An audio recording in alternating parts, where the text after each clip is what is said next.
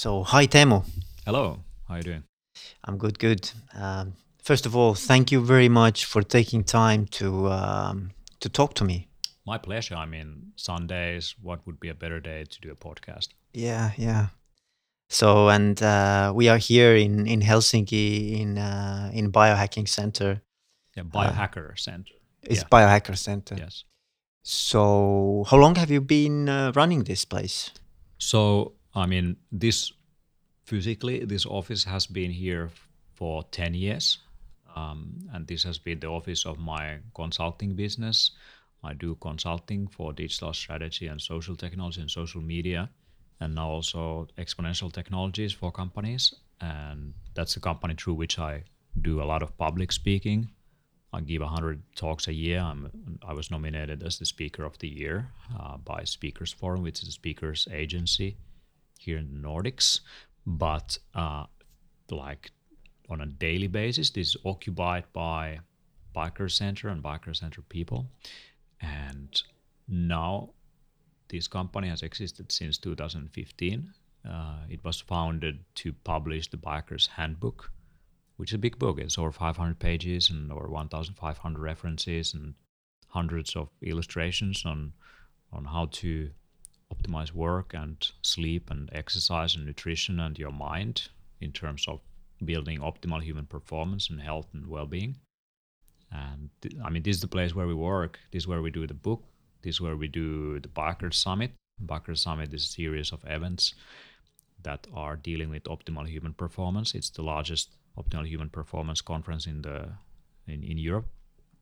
And we have our main event is in Helsinki every year, and then we have a satellite event. We have done events in Stockholm, and we have done events also in London, and we have some plans to do them in Amsterdam and Asia. So, Mm.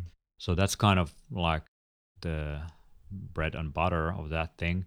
Oh yeah, there is also online courses that we do and online show. So we have done like podcasts, the Biohackers podcast, and uh, some webinars, uh, live webinars. And now we start also to use this space for live streaming everything about optimal human performance, and uh, that's going to be a weekly show. And um, the reason, one of the reasons at least, why we are here to, with you is that you're also coming uh, to Tallinn in the spring. Yeah, yeah. So there's a conference for in people interested in human resources and development. Yeah, yeah, yeah. Estonian Human Resources Association um, has this annual conference, and, and we are very happy to have you as a keynote there. So, Yeah. okay. Um, so, I know that you've been kind of identified as, as, a, as a biohacker, as an entrepreneur, and, and also as a technology expert. Um, how, how would you actually, you know, describe yourself um, in your own words? Yeah, I mean, I'm a uh, I'm someone who is looking at the intersection of man and machine. I've been looking at our relationship with our tools and technologies for um, almost two decades now. So I started in in the end of the 90s or mid 90s, looking into how all these technologies are influencing the way how we do things. Know, I start from online learning and I was building an online learning environment in the end of the 90s. And uh, the basic tenet or idea of that was that it's a collaborative learning environment. So instead of uh, transmitting information, it was about humans together building knowledge and sharing and um, co creation. And then we obviously used that for companies. So we built these group collaboration environments and uh, so that's when I moved into using social technologies in business and management and leadership. So then social media happened. Um, I started my own blog in 2004. I was doing the social media strategy for Nokia and uh, the Finnish post office and um, uh, like one of these large wholesalers, and also the military and um, the Finnish Transportation Agency and so on. So I was looking into how they can use social media to engage with their customers or citizens, and also how to work internally in new ways. Uh, in that process, I started also a startup company uh, called Meetings, meetin.gs for scheduling meetings. Uh, we also built a mobile app for uh, consumers to book meetings together. If you're a group of people, it was, it's called Swipe to Meet. Uh, it's a mobile app, and then we uh, we we kind of got into a point where I was running all these things simultaneously. I was still like doing also a lot of speaking. Uh, I started speaking professionally around 2005, and uh, 2007 I was giving keynotes already uh, every month in different countries. That was about social technology, social media, uh, uh, and how those are used in work and learning. And um, then I, when I founded this startup, um, jointly. I mean, I was, I was working quite long hours, not sleeping much. I was doing a lot of things, and I didn't feel like burnout or anything like this. But physically, I got some symptoms. So I got like uh, an ulcer, mm-hmm. and that took away my energy, and it also took away my um, my ability to concentrate because of the pain and all that. So I got some medication for it, and the medication took the pain away, but not the drowsiness or, or, or the tiredness. So then what I had left it was really to kind of get these things into my own hands. So I started studying things related to inflammatory disease.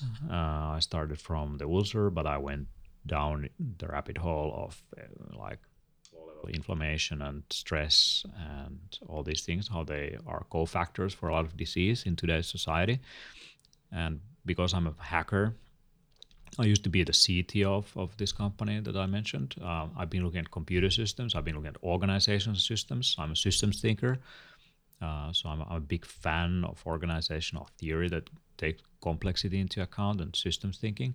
So uh, with that, I started looking at my health as a system. I started looking at the human body as a system. I started looking at this as a, as a computer that can be understood and you can do systemic interventions to influence its course. And that's how I eventually, the plan that I built, which was based on hundreds of studies, and I had an executive summary for my doctor and all that, um, I implemented it. And in um, three months, I didn't have the symptoms anymore. But what I noticed was an increased performance and alertness and productivity at workplace, which was not there ever before I got sick.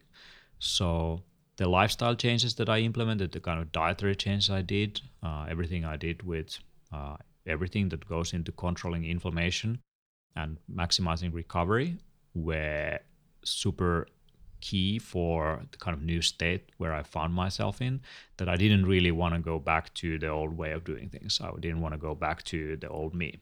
I didn't want to eat the same foods. I didn't want to you know, do the same lifestyle choices that I did before because the new me felt much better. And that's often with all these changes is that people are afraid of changing. They might think that they are limiting themselves in a certain way if they, for example, in dietary reasons, they need to uh, restrict themselves somehow. But in fact, what you're doing, you're expanding possibilities. You're putting on your plate things that you didn't eat before. You are um, getting into a new state of performance where you see that all those kryptonite foods that you were eating before are not really improving your performance or anything. They're just making you sleepy and tired and sick. So uh, I got interested in those things and I continued with that. And that was in um, when I got sick. That was 2012, 2013.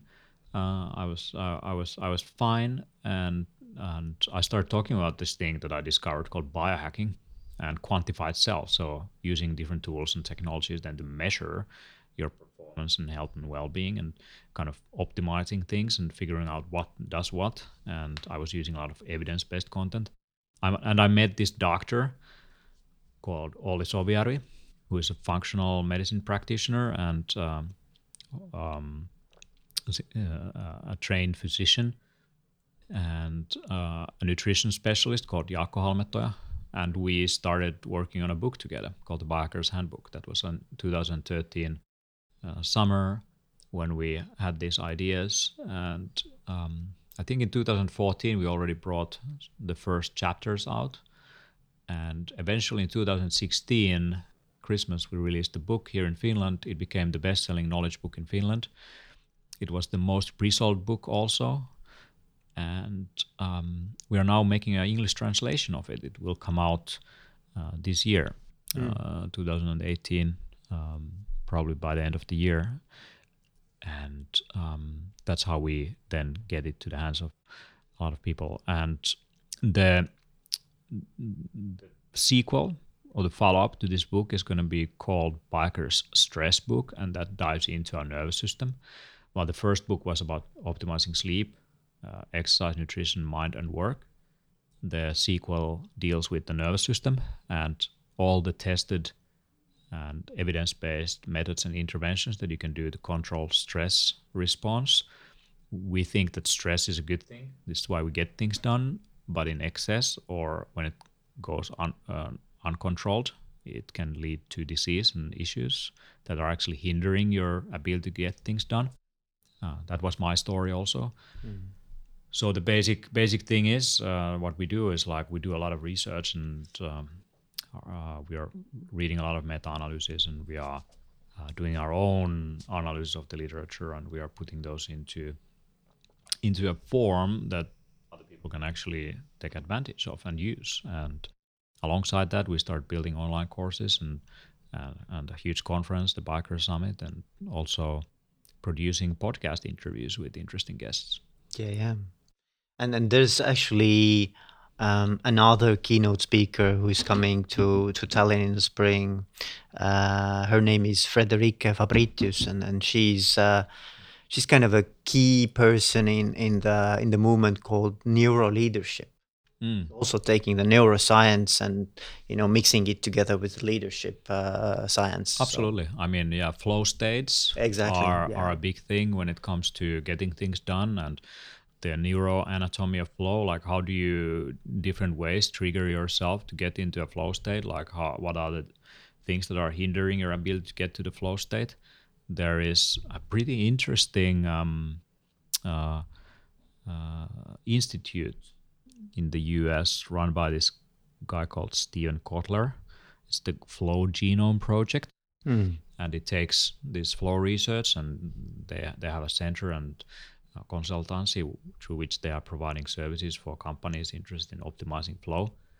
Um, so ever since um, uh, Csikszentmihalyi uh, put together uh, this uh, or popularized really the theory of flow, I don't think he was the initiator necessarily, but he's kind of one of the most well known for um, promoting uh, the flow theory um, it has been studied and um, it really shows that there are ways how you can uh, increase your ability to get into a state where time vanishes and or seems to fly and uh, you are kind of on the peak on your peak perform for you're in your peak performance. The task you are looking into is not too difficult um, that it you become frustrated. It's not too easy that you become bored. It's kind of the sweet spot of uh, getting excited about something and kind of really usually also requires some concentration so that you really sink into it. And, and there's ways to trigger that state. And one of the biggest toxins and poisons of today's modern working life is interruptions. So every time you're kind of almost getting into a flow state suddenly you need to switch to another meeting or someone phones you or comes and asks you something, or you get a notification on your phone or laptop and you interrupt yourself. I think maximizing concentrated time is key for productivity. And today's like multitasking world where you're switching context is also hindering our ability to get into a flow state. Well, there is, I mean, some task switching situations where you can stay in a flow state, but most of the case it's kind of like interrupting your thought process or whatever you are into and um, uh, causes stress and or you need to physically move into a different place and it always takes some time to get comfortable in a new environment. So uh, these things are key for leadership today. Like how do you architect physical and virtual spaces for optimal performance? And what goes into flow also is sleep quality. If you don't sleep enough, I mean, you can't so easily sustain concentrated state like a flow state. if you don't eat a proper diet and your blood sugar is fluctuating heavily, you have all these cravings or kind of uh, tense tension or something building up. That's kind of not going to help you stay in a flow state. So, kind of, how do you also use nutrition to make sure that you you stay focused on something or you don't overstimulate yourself by drinking too much coffee? I mean, coffee is fine. It reduces risk for prostate cancer. It has too much of a bad rap, but the way how you use all these beverages and things strate- strategically um, in what you do. So what we are doing right now, while we have this podcast, we are drinking some tea, and instead of like having a huge cup, like flooding our system with caffeine uh, uh, for too much, what we do, we, we just have like a little sip here and there as we go forward, and the theanine in in the tea uh, nicely balances out the overstimulating effects of caffeine, and you get this pretty nice kind of steady, concentrated state. And I mean, all these things you can kind of factor into your workday, and you can you can feel getting things more done. Because if you really think about it, eight hours a day, for example, you're not going to be productive for eight hours. You're not going to be in a flow state for eight hours. So how do you maximize that? You get like two hours of uninterrupted productive time where you're super excited of what you do and you get things done and nothing is interrupting you how do you figure out what time of the day that happens for you based on your chronobiology so your own circadian rhythm and daily cycle and um, how do you trigger that state and how do you sustain that state i mean those are kind of key like mm. because we're not going to be able to do that for eight hours a day so how do you make sure that you get two hours of time because often it's the 20% that will result in 80% of results. So, uh, how yeah. do you figure out where that is? And then I've had some guests on my podcast uh, talking about creativity and innovation as well, and what they say is almost identical what you have saying that um, we need these chunks of time where you have uninterrupted you know basically busyness on your own mm. so 60 to 90 minutes of something that is totally you know um, isolated from the environment and the and all those totally. stimulants from there. And then you need some time to recover. You need some time like 15 20 minutes after each cycle to just you know come out of this uh, thought process and and just just be and relax. Um, so so that's how we also stimulate our creativeness. I agree i agree. Uh, breaks are super important. I mean in addition to getting things done and staying productive it's not better faster stronger only because where growth happens is in a state of rest. That's what uh, people in exercise physiology are now discovering. It's not the stimulus but it's the recovery that actually results in muscle growth or improvement. So going to the gym only acts as a stimulus so that you can recover. Uh, and the way how you do the recovery determines your results, what you get out of gym. That's kind of the latest science. The same applies for work. I mean, if you learn new things, the way how you make sure that you consolidate those new learnings into long-term memory is key. So how do you make sure that you get uninterrupted sleep or maybe even if you're working long periods of time, and you have a lot of new stuff coming in, you know, maybe taking a nap or something so that you can kind of really consolidate the things that you just learned into long-term memory. That's key also. Like how do you tap into the potential of the moment is is not just doing more and more and more and more, it's how you recover from it. And and when it comes to solving hard problems, it's not just sitting in front of your desk and thinking about them, but also going out there and getting um, influenced by the nature around you, the world mm. around you. Yeah, yeah. Um, so, I mean, Archimedes, um, he was trying to solve a problem that was given to him by the ruler at that time uh, to figure out if a crown was actually gold or not. And he tried to think about this like how do I make sure that it's, uh, it's, what it's supposed to be? And he was thinking the problem hard. And then someone said to him that hey come on dude go to the take a bath you know take a break and he went and took a bath and the moment when he sank into the bathtub he saw the water level raising uh, so the mass was giving away. Uh, and so then he discovered that there's a different density in mass, and this is how he can figure out if if the gold crown is actually what it's supposed to be. Um, so these kind of eureka moments you often get by taking a little bit of time off Yeah. from what you do. I, I just did that by going for five weeks all around Southeast Asia just to download new ideas into my brain. Like I just can't perform. I just can't have new ideas if I'm constantly stimulated by the same input. Hmm. And it, when it comes to learning and creativity, the environment is super important. If you're sitting in front of a desk, which is white, and you have white walls, and you are trying to learn something or think about something, you will have very different associations compared to if you walk in the forest or you are in a library where all the books and uh, maybe red curtains or something are kind of starting to tie up with the history of modern Europe in a very visual way. So we there are all these subconscious kind of associations that we're getting into.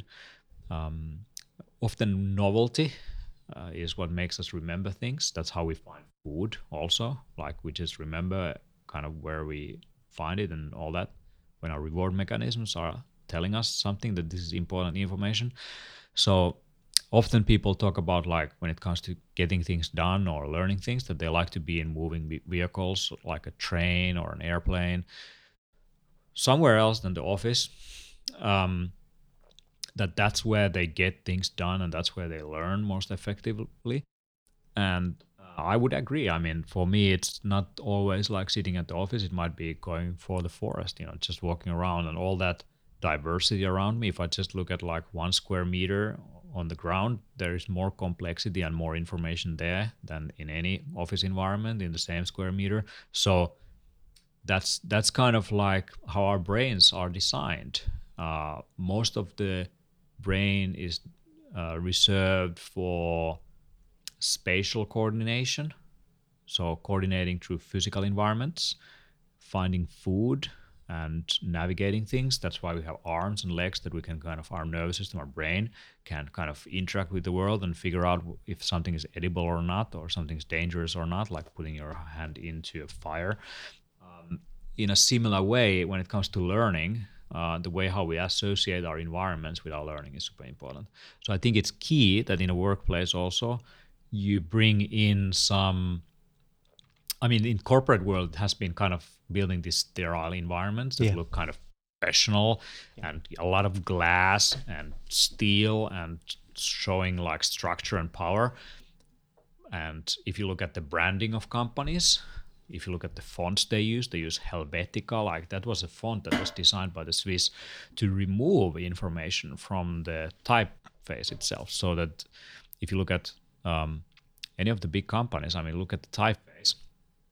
It's boring. It doesn't communicate anything. Like it's kind of like super sterile. You eliminate all the unnecessary bits of information. Um, I mean, that's kind of the modernist approach in a way. Uh, but that's also super boring, and that's not uh, um, a way for building associations that kind of spark your imagination. I'm sidetracking a little bit here, but the, going back to the topic of the physical working environments, if you have a super sterile environment, I, I don't think I'm going to find anyone who kind of s- would say that that's super cool, like super enjoyable over time. Like it's kind of like going into a factory. Uh, you have all these like uh, harsh lights and uh, glass and steel and you know machinery. It's, it's like going to work in a factory in the end of the day. Like it's it's not really your living room. It's not a safe place where you can let your imagination flow. Probably want to go somewhere else for that. Um, so now there's all these co-working spaces are s- spring up, which are kind of like trying to inject uh, this more lively and creative workspaces around us. So a lot of corporates they decide to stay in co-working spaces instead of going to the office. I think that's an issue. I mean, in terms of just like how, how we design our working environments, how we get things done. So I, I like to, in terms of like working on a specific problem, I like to hang around here at the office, which is kind of inorganic and uh, the everything from lights and kind of visually things are uh, kind of stimulating you in a, in a nice way. And there's a lot of light coming in from the windows and all that. But uh, on the same problem i might be working on a moving train or i might be working on it in a cafeteria. So once you're doing the same stuff from different physical environments suddenly you get kind of uh, very novel memories about working on it. And then you know you, it's more likely also that the things that when once you change your environment you start to get new associations. It's kind of that's that happens to me all the time when i get out of the office. Like mm. i just like get, get more new ideas. And yeah. that's that's the thing. Like we are not aware enough how important it is kind of the context in which we are doing things. So, for example, I I quite often uh, run to job or office and back to to home, mm-hmm. uh, and this running takes about it's nine kilometers, so about fifty minutes, and it's an excellent way of first of all just you know releasing all that you know the tension and stress mm, that has totally. built up over the day, and the other thing is that I really get a good ideas during that run. So it's, it's almost like you've been thinking about certain topic throughout the day and you haven't had a good kind of a resolution to that. And then suddenly, you know, during the run, oh, this is this is how I could fix this, uh, which is nice.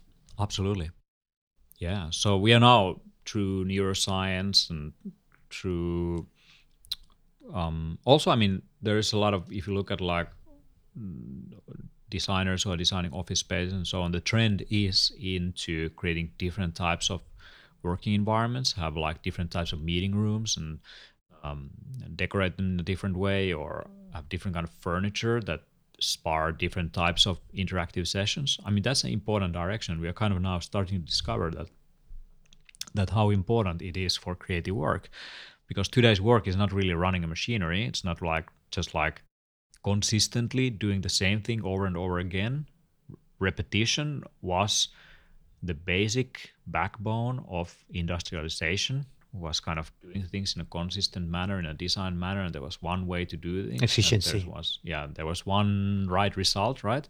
There was one thing we measured for. But if you look at any kind of creative work that people do in interaction now through technology um, there is not a single solution. There is not a single metric that measures like the performance really the i mean the individual is probably the best one to figure out um, if the novel idea they got was important or not for kind of solving the problem.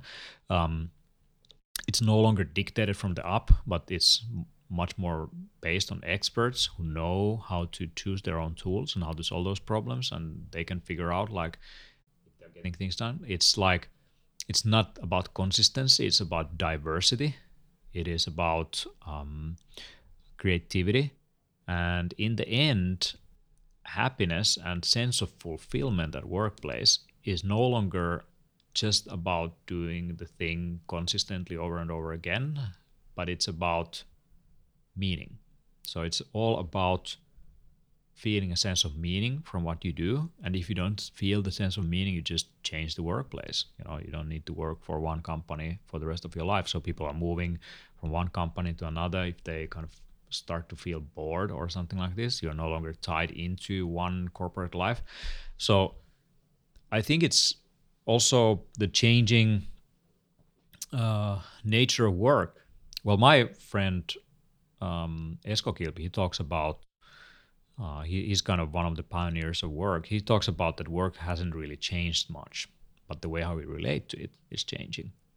So work is and there will be work, but actually like how we relate to it and how we work together and how we interact with each other, um, the tools that we use, those might change. Mm. And, and in the end, like how to get work done effectively, there is some still like basic principles that go very deep into our biology result in our that, that's interesting be, because uh, one of the things i wanted to ask from you is is uh, the, the biohackers um, handbook uh, covers wide array of of different topics right mm.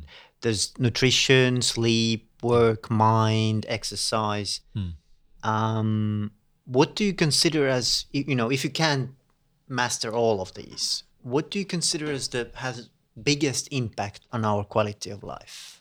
Well, um, you can you can start to optimize things like nutrition and exercise, but if you don't sleep and recover, um, you won't get as much benefit from those. So I think sleep is important. A lot of people have sleeping issues. The contributing factors to lack of sleep they are multi-sided, but one of them is that we are sitting too much, so we are not metabolically active throughout the day.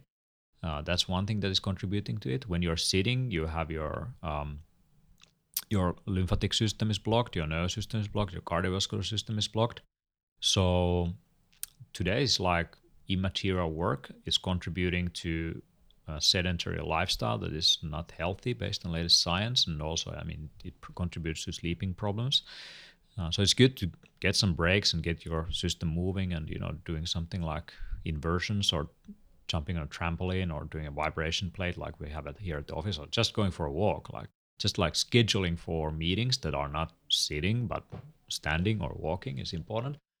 Now, the other thing that goes into sleep uh, is uh, that is disturbing our ability to recover is the light that is emitting from our computers and mobile phones and so on. You are literally looking at an artificial source of light, like a sun, throughout the day that uh, based on latest understanding of chronobiology is actually inhibiting your ability to produce melatonin in the sleep hormone. So our biology through our retina through our eyes and is is reacting to light that keeps our biological clock in sync. And what we are doing with all these like led lights and tv sets and mobile phones we are sending a signal to our brain that it's day and it uh, postpones melatonin production. So when you go to sleep it can take like an hour or sometimes two for really to fall asleep because mm. of the melatonin production th- issue. So what I'm doing, I'm just like I, I'm using an application on my laptop called Flux Lux that changes the output of, of the light from my screen. I have the night mode enabled on my iPhone that basically uh, lowers the blue light that is emitted from the screen. So this is recognized by companies like Apple already a health concern. So they build in these features into their devices. But you have to, it's optional, you have to turn it on. Uh, so you have to know where to find it from the accessibility features or general settings. Now, the uh, well, some other other issues that go into into sleep is is definitely um, stress. So today's working life with all the sources of information that we are getting. It's not just the work that you do it's not just the emails but you know social media is constantly stimulating us.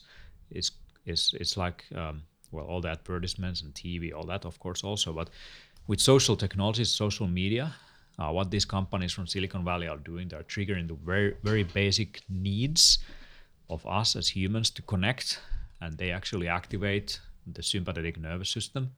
Sympathetic nervous system response that is related to arousal, it's related to finding food, it's related to reward and social situations. Um, I mean, that's what we activate when we are in a meeting. Uh, that's what is activated when you read emails and mm. or when you get stressed. It's our basic survival physiology. It helps do, us to. Do you, by the way, know that I, have just uh, mm. heard that uh, the average American how many times does he or she look at the mobile phone during the day? 24 hours. I mean probably hundreds of times. 150, 150 so it's every yeah. six minutes. Yeah. That, that's incredible actually. Yeah. what i have on my phone is like um it's not going to be visible in podcast but we can kind of describe what's happening. So you see a facebook icon here? Mm-hmm. when i click on it what happens is that my phone makes me take a deep breath and this taking a deep breath activates the parasympathetic nervous system. Ah, okay, to balance out. That's a balance. Yeah, yeah, so yeah. I do this a hundred times a day. Uh, so I'm I'm just hacking my own behavior. So I know that I'm not going to be able to live without the phone and social media. So every time I'm activating my sympathetic nervous system by going there, I'm, I'm before that I enforce myself to activate the parasympathetic nervous system, which is taking a deep breath. So from your autonomous nervous system perspective, uh, you can divide that to the sympathetic nervous system and the parasympathetic nervous system.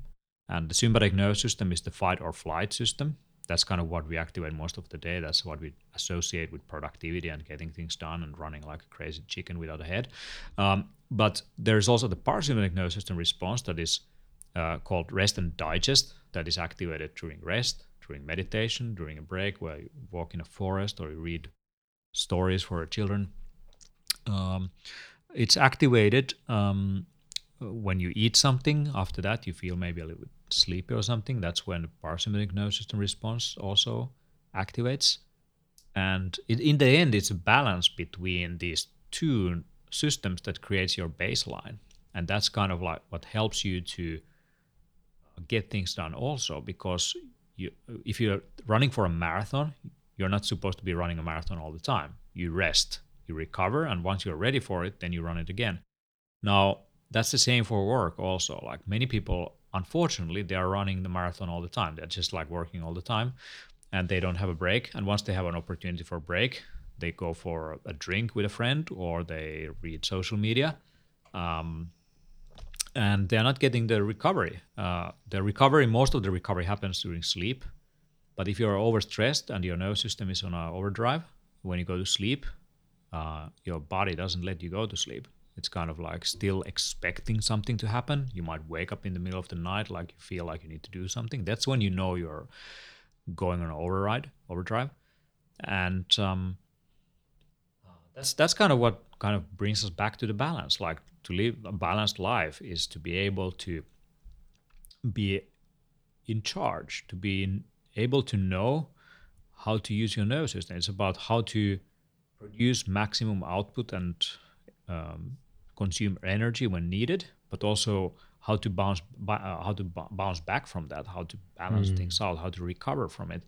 So if you look at any of the kind of biohacking systems that have existed for thousands of years, like yoga and meditation, martial arts, uh, even like Olympic athletes, what they're focusing on is recovery. Like they do meditation, they do like, I mean, Chinese masters might do like Qigong or Tai Chi to balance out like um, any kind of physically demanding uh, exercises and work that they do. Uh, and obviously, many of these people then venture into diets and all kinds of other things like and fasting and other things. Like, how do you run your biology optimally? Now we see this happening also in the working life. Now that we understand that um, if if you're a manager, um, if you want to run yourself optimally, um, you you should approach yourself like a professional athlete. Like, it's not like bragging that you haven't been sleeping and you've been working and you've been you know working on this presentation. Yeah, I'm too busy night. all the time. Yeah, yeah. I'm super busy. That's not like a. I mean, that's an amateurish approach to leadership and management. You're not cool when you do that. I mean, most people do that, but if you want to stick out, you you really kind of pay attention to recovery. And and there is now uh, um, centers that are focusing on uh, training managers in these skills.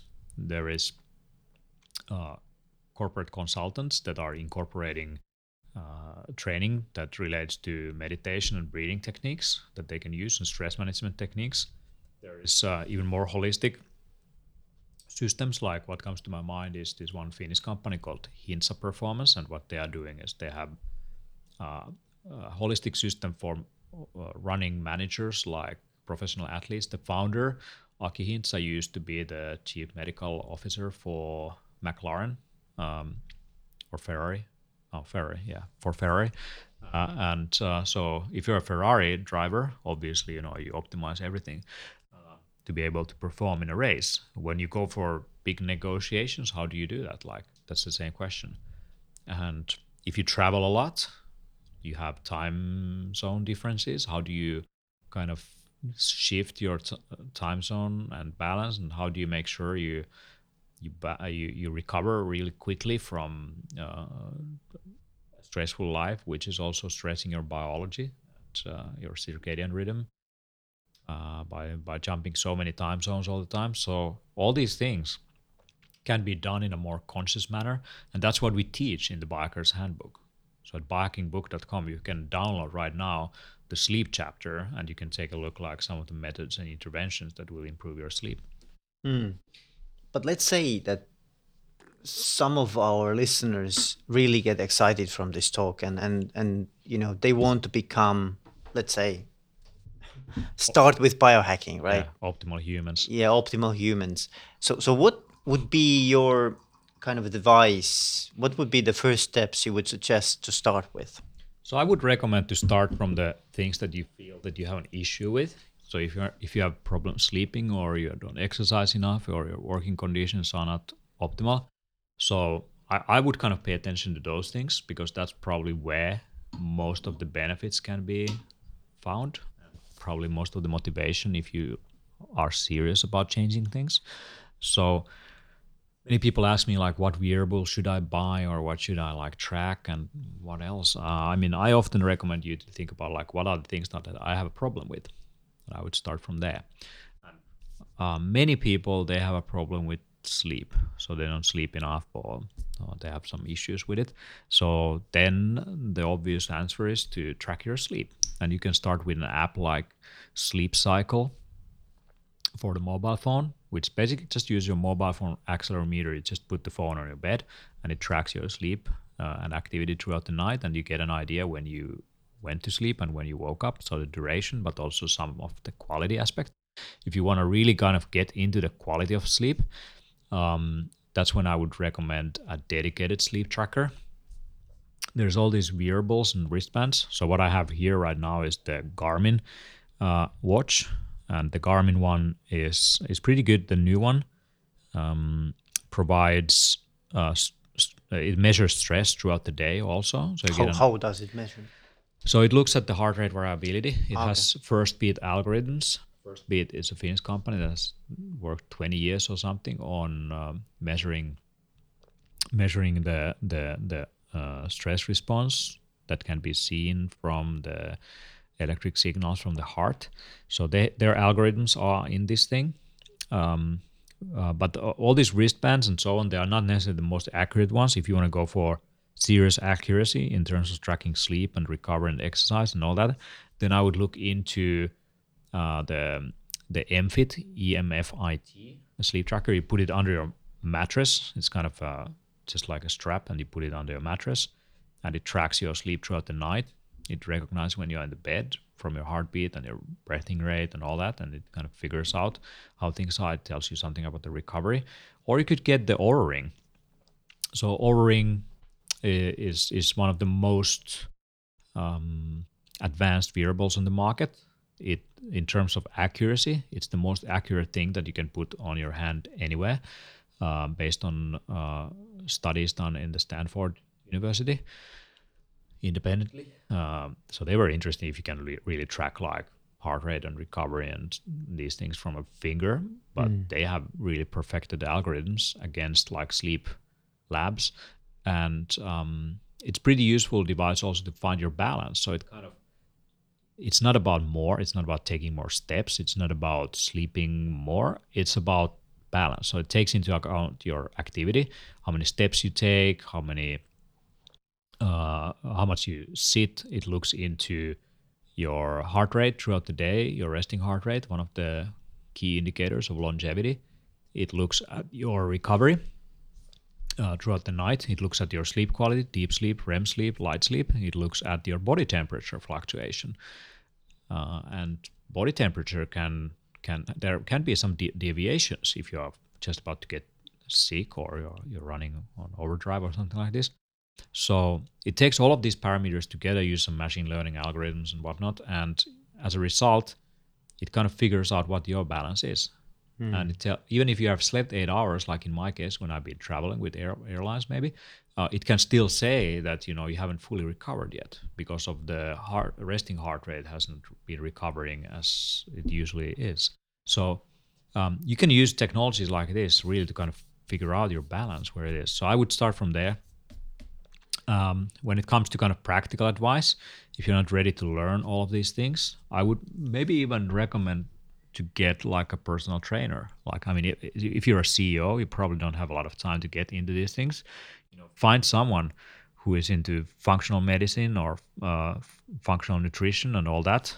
That goes a bit more deeper in these things and uh, incorporates um, the use of uh, activity trackers and data, and maybe can also look at your sleep data and recovery data. I mean, these kind of people can be super helpful in in um, motivating yourself to do things. I know that um, uh, uh, some some super busy guys. Um, uh, I remember one dude, and he was like that. He's always accountable for what he does at work for clients. I mean, many of us are. I mean, we want to deliver and we want to be accountable for what we do and we want to always over deliver but when it comes to accountability for ourselves mm. that's where we are lacking yeah. so yeah. if you decide yeah i'm going to go to the gym i'm going to start you know uh, you know eating a new diet or sleep more it's it's very easy to kind of uh, procrastinate and um, uh, fool yourself right there so sometimes getting a personal trainer is a good idea because then you are accountable to the personal mm. trainer and then and you also invest right? Yeah, invest you, there. you invest there it's more serious you know there's someone outsider who you want to convince that you're pretty cool executive or whatever. So then you do these things. So uh, i would do that in the beginning and once you get rolling once you get the, the release of positive neurotransmitters that tell you that hey this is cool once it becomes autonomic and not hard and you know kind of what to deal with then you can kind of start venturing on your own but getting some help in the beginning definitely mm. helps so so you have also said that uh, it's it's a lot about awareness you know mm. awareness of, of of being aware what's happening to me and how did i feel how was my body reacting and you know all these gadgets help that right they, they basically mirror you back um, That's right. your condition but it also you have said that it's it's uh, a lot to do with habit change, changing your everyday practices. Totally. Yes. So how do you do that? Because I think this is the the biggest uh, obstacle in in changing ourselves. We, we it's, it's, terribly hard to change our habits. I, What's I your agree. take? I agree. I mean, we are robots. We wake up, you know, with our patterns and behavior. We have a story that we tell ourselves, you know, I'm executing this company and now I need to go to a meeting and these are my morning routines. You are acting your own life out and it's up to you, you know, if you want to change that story, if you want to, you know, jump out of your own little uh, movie and decide to do things differently. Now, considering that you have habits, First step is to recognize your habits, that you become aware of your habits. That's where tracking can help. That's where journaling can help. That's where, I mean, we can understand maybe kind of like what my patterns in general are, but on a monthly basis, on a weekly basis, do you really know how much you sleep? Do you really know what triggers you to uh, have unhealthy snacks, for example? Do you really know what uh, triggers you to stay long nights in front of your computer unnecessarily so? What makes you kind of like really get stuck with your phone on uh, on things that are not promoting what you need to done, do. So all these things, kind of, are you really aware of those patterns? And and now when you get into the patterns, some of those patterns are beneficial. They really you know help you to go forward in life. That's what the studies of great people and their habits. What comes out of those studies is that all of us have habits. All great authors and scientists they have different habits like uh, habits are useful. They are kind of automating different aspects of our lives that we can really focus on the stuff that is important. So one of the key things for hacking your habits is to hack your environment that triggers those habits. And um, there's all these different situations that kind of it could be a location, it could be certain people, it could be a specific context. Like when you open up your computer, kind of what apps you have open and all that, those are kind of triggering different habits, obviously. So once you become aware of those, then you can start to decide if you want to do something about them. Mm. And what really helps is to pay attention to it by somehow tracking or measuring those things. So, for example, on my phone, I have a device uh, that tracks how many times I open it up. I have on my computer, I have a software called Rescue Time that looks at different websites that I look into. So I kind of get a general sense of how much I spend time on news and social media and, you know, then obviously productive things. And once you have that, then you have a better awareness, you have better contextual understanding, you have contextual awareness of what's going on. And then you can kind of get into then changing those things because once you change something you can see the result because you have some measurements Mm. from before um, so realizing that we are robots and that all habits are not necessarily good and some of them are not really serving us uh, some of them we do out of pleasure uh, it's fine you know to have pleasures in life but there are some things that we really struggle with so then it's good to kind of figure out how we can really tap into those problems and, and change them.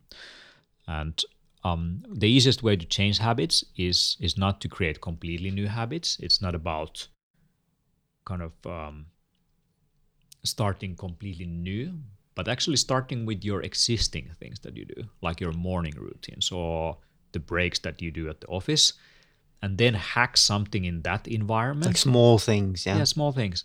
Like if you don't exercise enough just take your morning routine and inject like one push up or one pull up there. And suddenly you do more. So put the threshold as low as possible. Not like i'm going to go six times a week to the gym. Not going to happen. You have to start low. You have to be happy about doing five push-ups every morning for example. And it's easier to put it into a sequence of things that you do and put some kind of reminders on the way that remind you that hey you're supposed to do this now. So for example if if every morning you go for the refrigerator looking for eggs you put on the refrigerator do five push-ups uh, or something like this. Um, and, and in the beginning you have to remember it but once it becomes automatic that's when you can kind of eliminate those reminders. And um, what eventually makes those patterns stick is the release of positive neurotransmitters. So always when changing behavior, you should do things that or figure out a way to release reward hormones. So if it's an extremely difficult thing to do, then associate something that actually rewards you. So for example, it might be a bet with your friends or something like this that you win, for mm-hmm. example. Simple mm-hmm. like that. Yeah, or it yeah, could be just like the act itself, you know that it, you will feel better and healthier. So there's all these things. Like I mean, changing behavior is probably and habits is probably the hardest thing Yeah. to do. So I mean, it's easy to talk about it. To actually do it is super hard. Here are some st- uh, here are some tips for anyone who wants to really kind of get down to their own well, own behaviors and kind of change things. Yeah, yeah, yeah, yeah, yeah. Okay, but as a as a as a last question, I also know that you've been associated as a futurist. Mm. Mm. Um, so what what are some of the predictions or developments that you would, you know, um, you would be uh, kind of certain to to propose or suggest, or what can we pe- expect from the next decade or something? So if you get something from my ideas during this podcast recording is that what I'm talking about is something that we are kind of getting into the nuts and bolts of how the human body works and how we can influence it. So this knowledge will just increase. We will become much more aware of what's going on in our bodies and how what interventions we can do and how we can influence things. We're just getting started with genetics. Epigenetics is the way how your environment changes your gene expression and you know your behavior.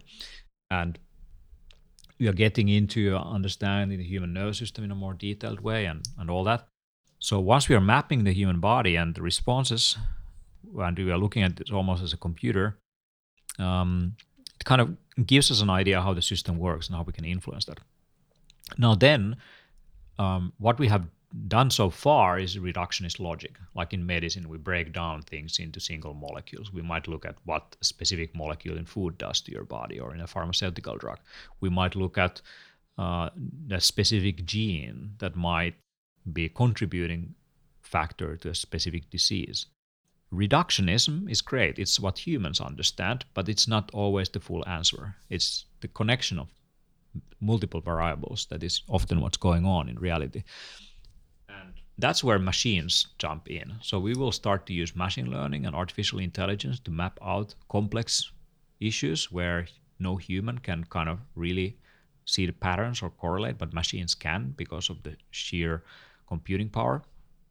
So what we will do, we will start to use machines alongside with our own problem solving capabilities. We see that already with things like self driving cars and uh, maybe some AI assisted um, assistants like the Siri on your phone or, or uh, something more concrete like the Amazon Alexa that helps you to order things your empty refrigerator.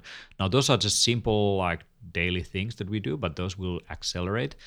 And we will eventually get to a point where we can um, start to influence our future as species. So, if you look at the evolutionary process, um, if you look at the human brain, uh, often we have built a new layer on the brain. So we start from the basic limbic system that keeps us alive. We have built some of the higher functions, like the prefrontal cortex, that helps us to solve uh, complex problems. Now, on top of that, we are building a software based, artificial intelligence based layer that is helping us to solve our problems. It's now outside of us, but through new user interfaces that we are building. If you look at the software companies out there, like Microsoft is building HoloLens, that is kind of mixed reality interface. You look at Facebook, they bought Oculus Rift, which is a virtual reality headset.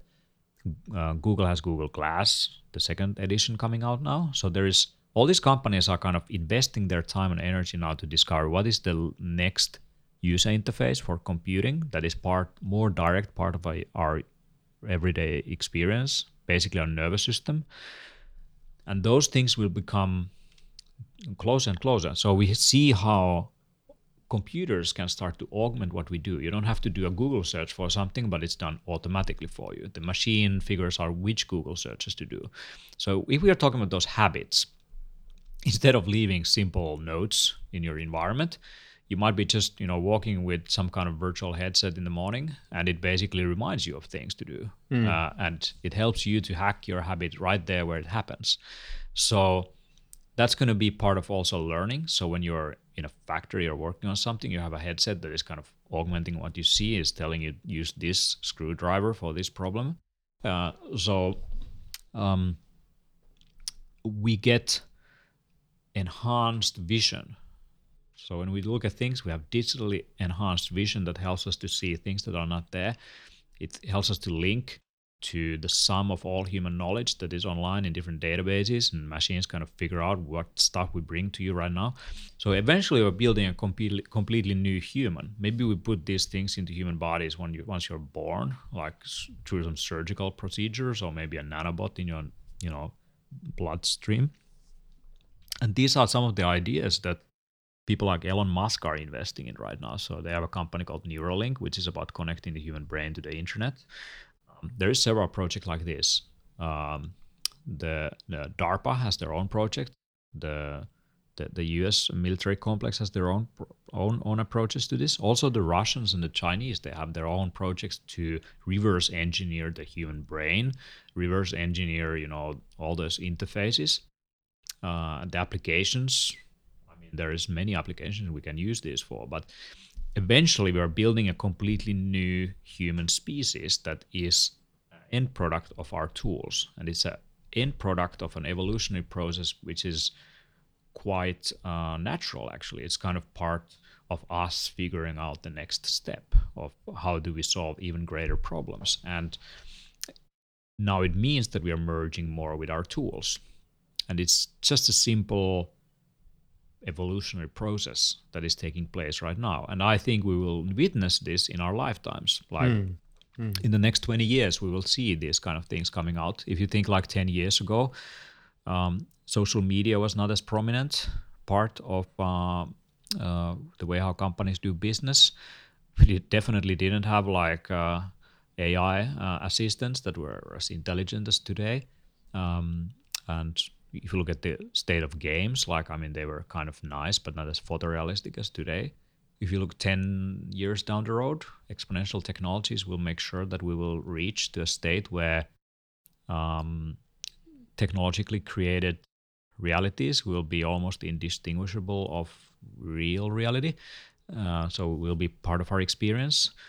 Um, it doesn't mean we will live in virtual reality. It means that our physical world and our uh, current state of experience in the world directly will be augmented with digital artifacts that are becoming part of our reality. So you will have completely different memory imprint of what you've seen and what you've done, uh, and that's changing us over time. So obviously, the human organism is also changing in response to this. So there is neuroplasticity. Our brains will be also changing uh, after generation after generation to reflect the amount of information that we're getting into, and you know maybe multitasking becomes just easy uh, Yeah, yeah. Uh, after a few mutations because it helps you to survive in life. Who knows? But definitely, as species, we're not going to wait for that. But we will hack our technology. We'll ha- use our scientific understanding. We will just like take this evolutionary process into our own hands and um, uh, maybe modifying the biological organisms. Maybe it starts with space travel. It doesn't make any sense to send to Mars real humans, but you know maybe some of our own creations that are more suitable for living there and you know doing things there. And that's how we inhabit the galaxy. And that's kind of like, I mean, these ideas have been put forward in uh, science fiction for 10, 20 years Yeah, yeah. in popular culture like movies. But if you if you really pay attention to many of the things that we first introduce as stories or imagination, they kind of become reality. Mm. Like in Star Trek, they have this device that can measure everything. Like that looks like a mobile phone almost. That was in the 80s, and it's kind of now that's in our hands and pockets.